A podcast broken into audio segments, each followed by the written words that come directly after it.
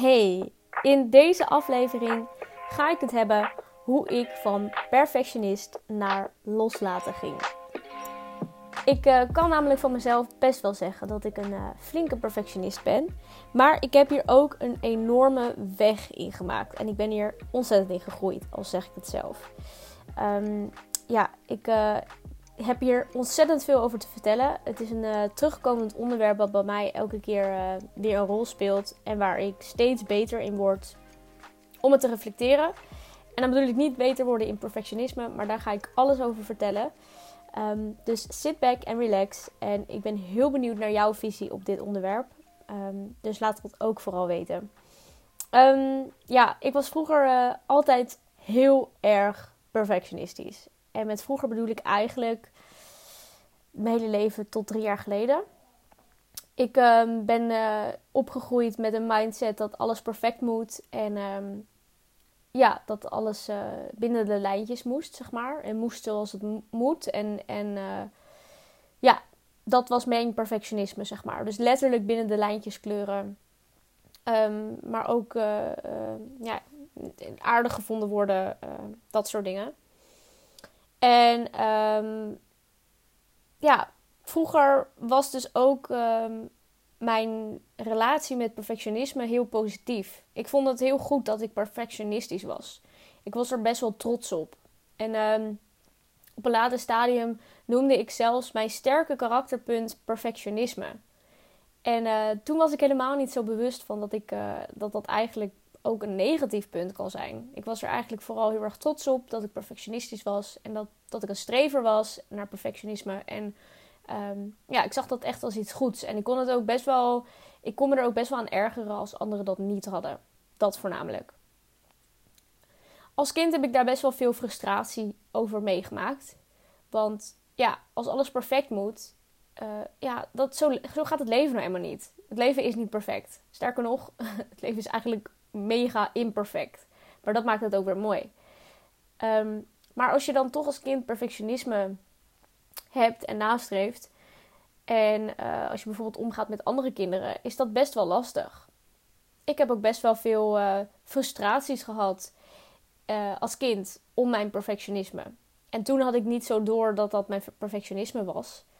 Um, maar ik zie dat nu wel. Ik reflecteer daar nu op en denk ik: oh ja, die boosheid en die frustratie en die, dat verdriet als iets niet goed ging. Of niet ging zoals het was gepland. Ik was ook een enorme control freak. Dat vind ik ook een tak van perfectionisme. Ik ben nog steeds wel een, een control freak, maar iets minder wel. Um, ja, daar ging best wel veel uh, moeite in zitten. Dat, dat zat mij heel erg in de weg. En uh, ja, nogmaals, ik was me daar niet bewust van dat dat dus niet, um, ja, niet per se positief is ik was er heel trots op. En um, ja, wat ik zei, eigenlijk is dat dus tot drie jaar geleden zo geweest. Ik was altijd um, best wel perfectionistisch. Al wisselde het wel op welke vlakken. Want sommige dingen, bijvoorbeeld met school, sommige vakken waar ik het niet mee eens was, of bijvoorbeeld gym, waar ik het niet mee eens was. Want ik vond het altijd heel erg, heel erg naar daar eh, kon ik dan wel wat minder perfectionistisch in zijn. Want dan dacht ik van, joh, dat, uh, dat heb ik toch niet nodig. Of uh, dat, dat doet er niet zoveel toe. Maar de dingen waar ik mezelf in wilde laten zien en waar ik wilde presteren, dat moest heel perfect. En ja, dat heeft me uiteindelijk drie jaar geleden, of vier jaar geleden zelfs, best wel mijn, nou ja, mijn gemoedstoestand gekost eigenlijk. Ik belandde een paar jaar geleden in een uh, depressie en um, ik heb een aantal maanden thuis gezeten. Daardoor. En achteraf is dat deels een soort burn-out slash depressie geweest, wat gebaseerd was, denk ik, voornamelijk op mijn perfectionisme. Ik ben toen in therapie gegaan en ik heb daar heel veel, heel veel frustratie over gehad. Omdat ik mezelf continu tegenkwam en elke keer kwam het neer op dat mijn perfectionisme gewoon veel te aanwezig was en veel te veel op de voorgrond stond. En um, ja, dat was wel een ding. Want als jij, nou hoe oud was ik? 20. Als jij 20 jaar lang leeft volgens een bepaald beeld en met dat perfectionisme om kan gaan, en dat vooral heel erg probeert na te streven, is het best wel pittig om er ineens achter te komen dat dat je eigenlijk helemaal niet dient. Ik uh, ben toen aan de slag gegaan met een boek. Dat uh, kreeg ik aangeraden van mijn uh, psycholoog toen. Dat is het boek Negatief Zelfbeeld van Manja de Neef. En met dat boek ging ik aan de slag. Met enorme tegenzin. Dat moet ik er wel bij zeggen. Ik deed het omdat ik dacht, ja, ik zit nou toch in therapie en ik moet er toch heen, dus dan doe ik het maar. Maar nee, dat was niet mijn ding. Achteraf vind ik het een goed boek, maar ik had het iets serieuzer moeten nemen, denk ik. maar daar zit ook een hoofdstuk in en dat gaat over perfectionisme. Dat is hoofdstuk 8 en ik heb hem hier ook naast me liggen. Ik heb het boek sinds drie jaar weer uit de kast gepakt. Best wel uh, confronterend, maar ook wel goed. En in dat boek staan verschillende tekstjes, verhaaltjes, situaties, maar ook tips en oefeningen. En ik wil dat je even met me meedoet en uh, nagaat hoe perfectionistisch ben jij?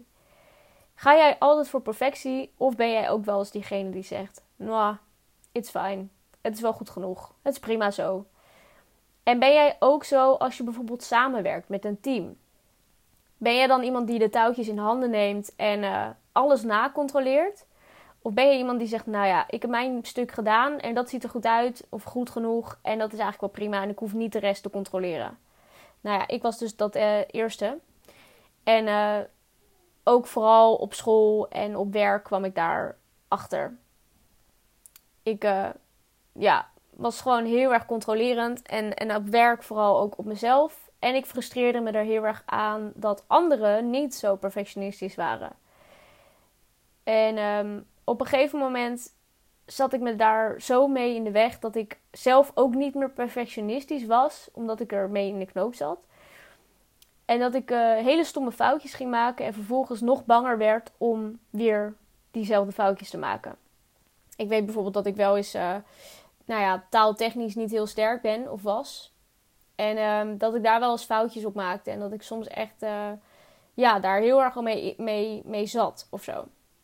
Maar goed, terug naar dat boek. Er staat namelijk een oefening in. Ik ga niet alle oefeningen delen met je, want dan moet je dat boek gewoon lekker bestellen.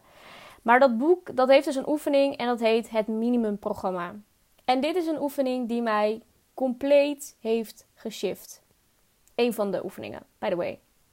Er zit ook nog een andere oefening bij. Dat is het bijhouden van een witboek. Zo wordt het genoemd. Ik vind het witboek heel raar woord. Ik uh, gebruik altijd een positief boekje. Daar schrijf ik alle positieve dingen in die mij uh, blij maken die dag. Elke dag. En uh, nou ja, je kan je voorstellen, als je midden in een depressie zit, dan mag je echt blij zijn als je één ding kan opschrijven per dag. En dan was dat waarschijnlijk uh, niet eens iets waar je zelf controle op had. Um, maar dat helpt, heeft mij ook heel erg geholpen. Om te kijken naar wat ik allemaal goed deed. In plaats van dat je continu focust naar wat je niet goed doet of wat nog niet goed genoeg is. Dus dat is tip 1. Die mij heel erg heeft veranderd.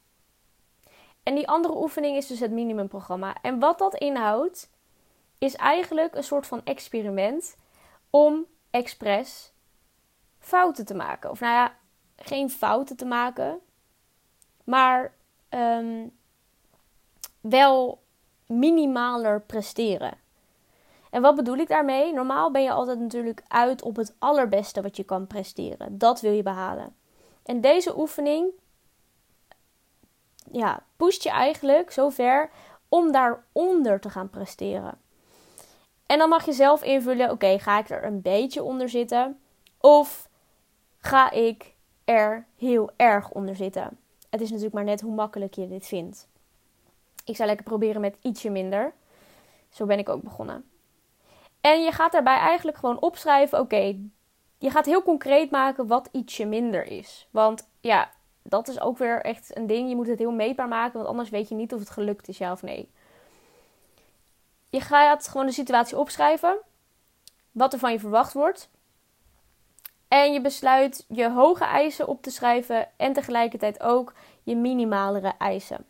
Het is ook goed als je zus en zo. Ik, uh, ik, ik noem even wat. Je moet een toets maken of een tentamen maken voor school. En uh, ja, je wil eigenlijk ehm, 9 van de 10 eh, vragen goed. Dat is je normale eisen. En ehm, nu ga je proberen, oké, 7 van de 10 is ook goed. Of 5 van de 10 is ook nog steeds een voldoende. Ik weet niet hoe het werkt meer trouwens hè, met uh, school. Ik zit al heel lang niet meer op school. maar nou ja, dat is dus wat ik bedoel daarmee. En vervolgens ga je opschrijven en reflecteren hoe dat is gegaan. Hoe voelde je erbij? Kreeg je rare reacties van, je van de mensen om je heen? Als dat misschien een ding is waarom jij bijvoorbeeld perfectionistisch bent, dan is het fijn om op te schrijven dat dat helemaal niet gebeurde. Dat er helemaal niemand is geweest die naar jou toe is gegaan en heeft gezegd: Hoezo heb jij ineens maar 7 van de 10 vragen goed in plaats van 9? Snap je wat ik bedoel? Het is heel belangrijk om ook na te gaan waardoor je dat perfectionisme hebt gekregen. Ik uh, merk dat ik mezelf heel graag uh, wil bewijzen tegenover anderen. Dus bij mij is die mening van anderen wel ook echt belangrijk. Dus dat is goed om op te schrijven. Schrijf ook vooral op hoe voelde je je uh, tijdens het minimale presteren. Voelde je, je, voelde je het moeilijk, vond je het moeilijk of voelde je het eigenlijk wel chill en was je eigenlijk wel relaxter? Nou ja, in het begin zal het heel ongemakkelijk zijn en heel raar voelen. Maar daarna zal je merken dat het je steeds meer ontspanning geeft. Het geeft een beetje die, uh, ja, minder stress, minder druk. De druk van de ketel is eraf. Zo, zo beschreef ik het altijd. En uh, ik vond het ook altijd echt heel bizar en ik verbaasde me erover dat je geen reacties krijgt van anderen. En aangezien dat voor mij altijd zo'n big deal was geweest, ja, maar als ik zus en zo presteer of als ik minder doe, dan, dan komen mensen naar me toe en dan zeggen ze: waarom presteer je zo weinig? Nou, dat was dus echt nooit gebeurd tijdens dit experiment. En ik heb dit experiment echt maanden gedaan. Um, elke keer weer met andere nieuwe situaties. En dat deed me eigenlijk ja, heel veel zelfvertrouwen geven en zelfverzekerdheid geven. Dat dat perfectionisme eigenlijk helemaal nergens op gebaseerd is, behalve mijn eigen gedachten en mijn eigen eisen. Dus ik kon elke keer een conclusie trekken. Het is best oké om een keer goed genoeg te presteren. Of gewoon prima in plaats van excellent of fantastisch. Ja, dus um, daar ging ik mee aan de slag. En dat heeft mij heel veel gebracht. En uh, drie jaar later is het nu. En ik ben nog steeds daarmee aan het oefenen. En uh, ik kan wel zeggen dat ik uh, geen perfectionist meer ben. Op heel veel vlakken in ieder geval. Ik, uh, ik, ik geef mezelf dat label niet meer. Ook omdat ik dus vind en heb ervaren dat perfectionisme niet per se een positief kenmerk is. Een positief karaktereigenschap. Vroeger vond ik dat wel heel goed. Nu sta ik er gewoon wat negatiever tegenover. Als in, het is goed dat je perfectionistisch bent en dat je op de details kan letten. Maar je kan er ook in doorslaan. En je kan er ook um, uh, ja, te veel stress van krijgen. Of uh, in een depressie of een burn-out terechtkomen. Dus ik koppel het niet meer met iets positiefs om heel perfectionistisch, perfectionistisch te zijn. Ik merk ook nu dat ik het steeds makkelijker vind om het los te laten wanneer iemand anders de controle heeft. En daar ben ik ook heel erg mee gaan oefenen. Ik was dus altijd die persoon die op school de lead nam in een groepje, omdat ik wist als iemand anders het doet, tenminste dat was mijn gedachte, hè, want ik, heb, weet het niet, want ik heb het dus nooit gedaan. Als iemand anders het doet, als iemand anders de lead heeft, dan komt het niet goed. Dan halen we geen goed cijfer, dan moeten we het weer tien keer overdoen. Dus ik neem vooraf aan al gewoon de lead, want dan weet ik dat het goed gebeurt. Vervolgens gaat de rest natuurlijk lekker achteroverleunen, want die denkt, joh, kind, die lost het wel op. Dus kreeg ik nog meer stress ervan. Maar goed, dat was mijn uh, overtuiging. Ik moet de lead nemen, dan komt het goed. En als iemand anders dat doet, dan komt dat niet goed. Nou, dat is best wel een, uh, een onhandige eigenschap of een on onhandige situatie als je dat uh, gaat toepassen in het werkleven. Want dat gebeurt nou helemaal niet altijd zo. Dat kan niet altijd zo. Je moet soms afhankelijk zijn van anderen. En zeker als je net pas begint met werken, dan ben je niet gelijk een manager. Dan ben je niet gelijk degene die de lead heeft. Dus ik ben dat gaan oefenen. En uh, ik ben dat bijvoorbeeld ook gaan oefenen met, uh, ja, gewoon met, met sociale contacten. Ik noem maar wat. Koken met een vriendin of zo. Klinkt heel stom, maar ik kon het echt nooit hebben als iemand iets niet deed op de manier hoe ik het deed. Want mijn manier was goed. Mijn manier was perfect.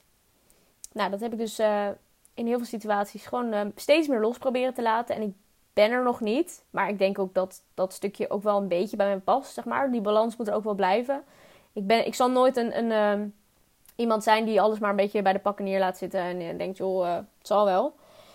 Ehm, maar ik heb er dus uh, heel erg mee geoefend. En um, ik kan nu makkelijker de controle loslaten en, en het wel zien hoe het gaat lopen.